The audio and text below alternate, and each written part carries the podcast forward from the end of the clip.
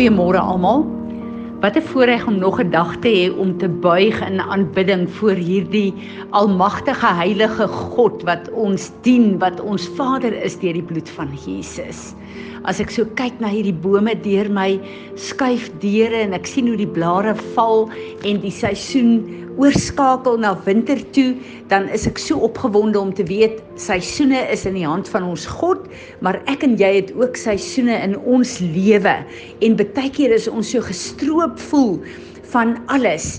Uh, dan is ons in 'n wintertyd, maar in die wintertyd is die bome en die plante besig om letterlik te reset en om uh dieper af te groei om uh meer uh voedsaamheid te kry en uh om uh, uh op 'n nuwe uh plek van blom en groei en vrugbaarheid te kom en ek bid dit vir my en jou deur hierdie fisiese winter um seisoen wat ons in Suid-Afrika het.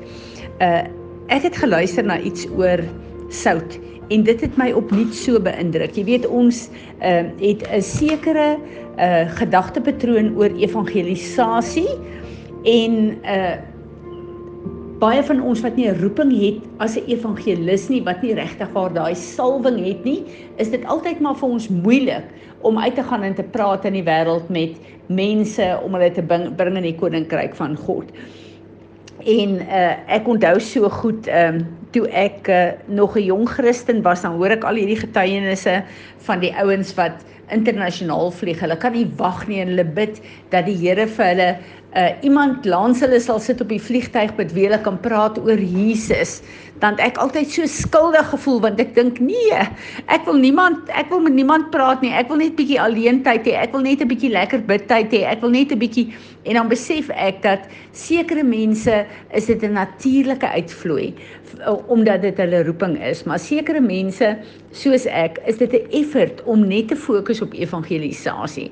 En verstaan my mooi, my hele hart is om mense in te bring in die koninkryk van God, want dit is ook waaroor my gebede gaan. En ehm uh, ja, uh, maar ek besef daar's 'n plek waar God ons gebruik wat ons nie bewus van is nie, wat ons baie keer baie verwaarloos. Nou Ons het al baie boodskappe gehoor oor ons moet die sout van die aarde wees. En dan dink ek en jy in terme van die kombuis.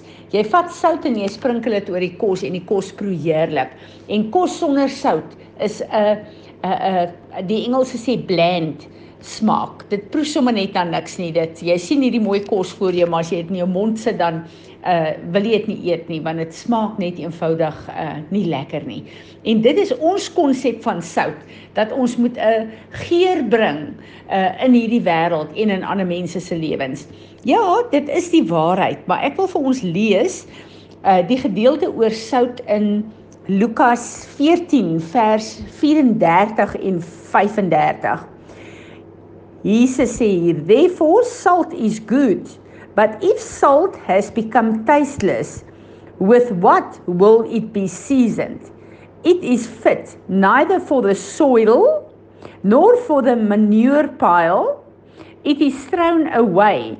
He who has ears to hear, let him hear and heed my words. Nou hier kom Jesus en hy praat, hy verduidelik altyd goed in die konteks van mense se leefwyse vir mense om dit maklik te kan verstaan. Nou in Jesus se tyd veral, as jy kyk na die sout van die Soutsee en uh die sout wat hulle wat hulle in Israel daar in die Midde-Ooste gehad het uh om mee te werk. Nou uh sout het 'n samestelling van verskillende soutte en hierdie spesifieke sout wat Jesus van praat is gebruik as 'n 'n 'n bemesting om goed te laat groei. So dit was 'n fertilizer gewees wat uh uh baie effektief was om uh goed te laat groei. Maar dis ook gebruik uh by mishope letterlik om uh te keer dat hierdie mishope die aarde besoedel en die mense besoedel. So dis nie net sout wat gevat word om gesprinkel te word nie. Sout se konteks is om te laat groei, al die goeie goed te laat groei om bemesting te wees daarvoor. Maar in die tweede plek om hierdie uh uh, uh ek kan amper sê sewage gate wat elke erf gehad het daar om daai sout daar op te gooi om te keer dat die verkeerde goed en die uh uh kieme in die goed versprei maar dat dit doodgemaak word. So soos wat hulle die lande bewerk het, het hulle sout ingesit vir die groei, maar elke persoon het elke dag hulle het 'n gat gegrou in hulle erwe. En wanneer hulle 'n uh, toilet toe gaan, het hulle nadat hulle 'n uh, uh, ontlas het, het hulle 'n handvol sout gevat en daarop gegooi om te sorg dat die die die die uh, kieme en die uh, gemors onmiddellik geneutraliseer word en dat dit nie kan versprei nie. So dit is 'n belangrike werking uh in die konteks van sout in daardie tyd.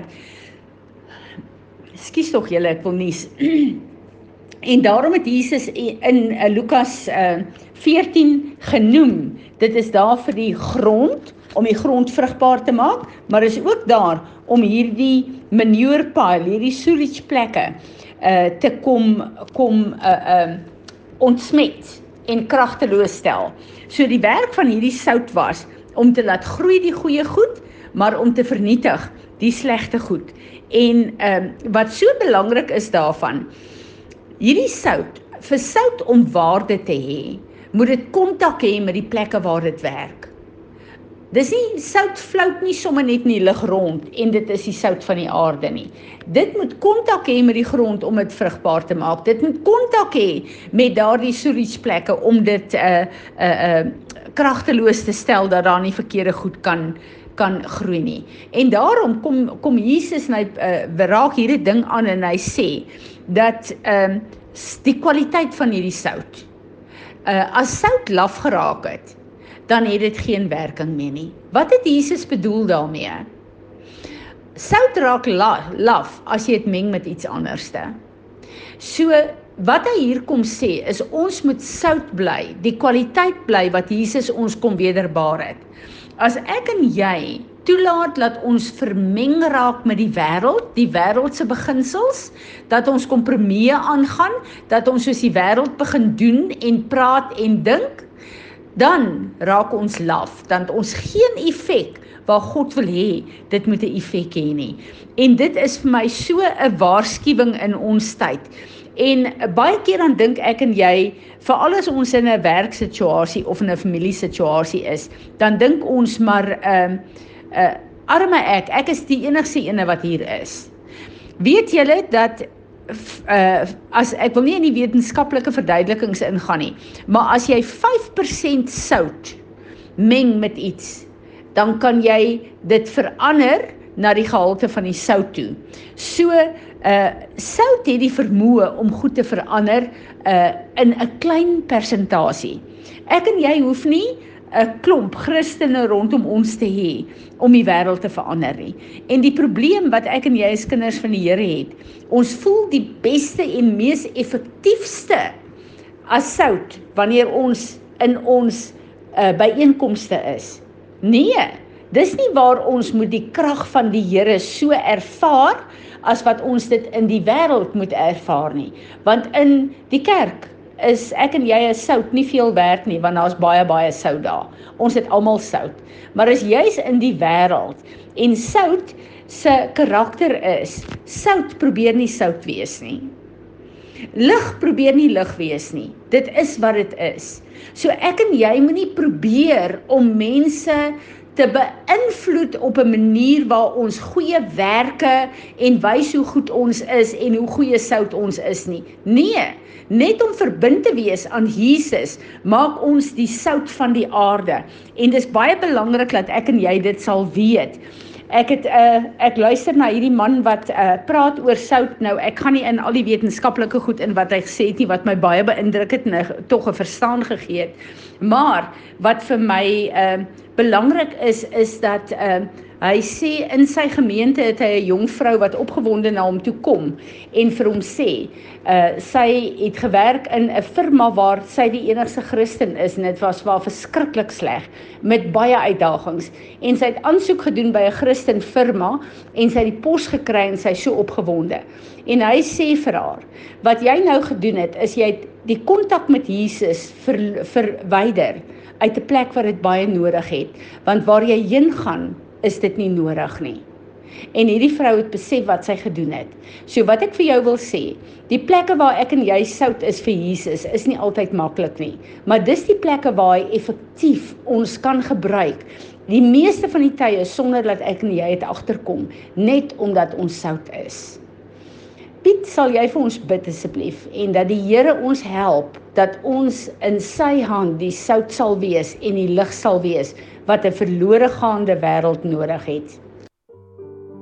Jy weet hoe eers kom vergifnis vra vir ons daai koppigheid. Jy weet dit ons net dit altyd maklik wil hê en altyd net in lekker plekke wil wees en en jy weet dat dat ons dink niks moet moeilik wees rondom ons nie. Weet gee vir ons genade. Weet gee vir ons die genade om om die sout te wees in hierdie aarde. Weet gee vir ons die krag en help het help ons om dit uit te stap saam met U Here. Weet dat U ons kan gebruik waar U wil hê ons moet gebruik word. Weet dat ons daai beheer in U hande sal gee dat U ons kan gebruik op hierdie aarde. Weet waar U dit nodigste het. Weet waar U ander mense se lewens wil verander. Weet dat U vir ons sal wys hoe dit sou hoe dit moet wees om sout te wees. Jy weet dat U dit in ons karakters inbou en dat U ons help om dit uit te loop elke dag. Jy weet dat ons sout vir die wêreld kan wees. Dankie daarvoor, Here. Amen.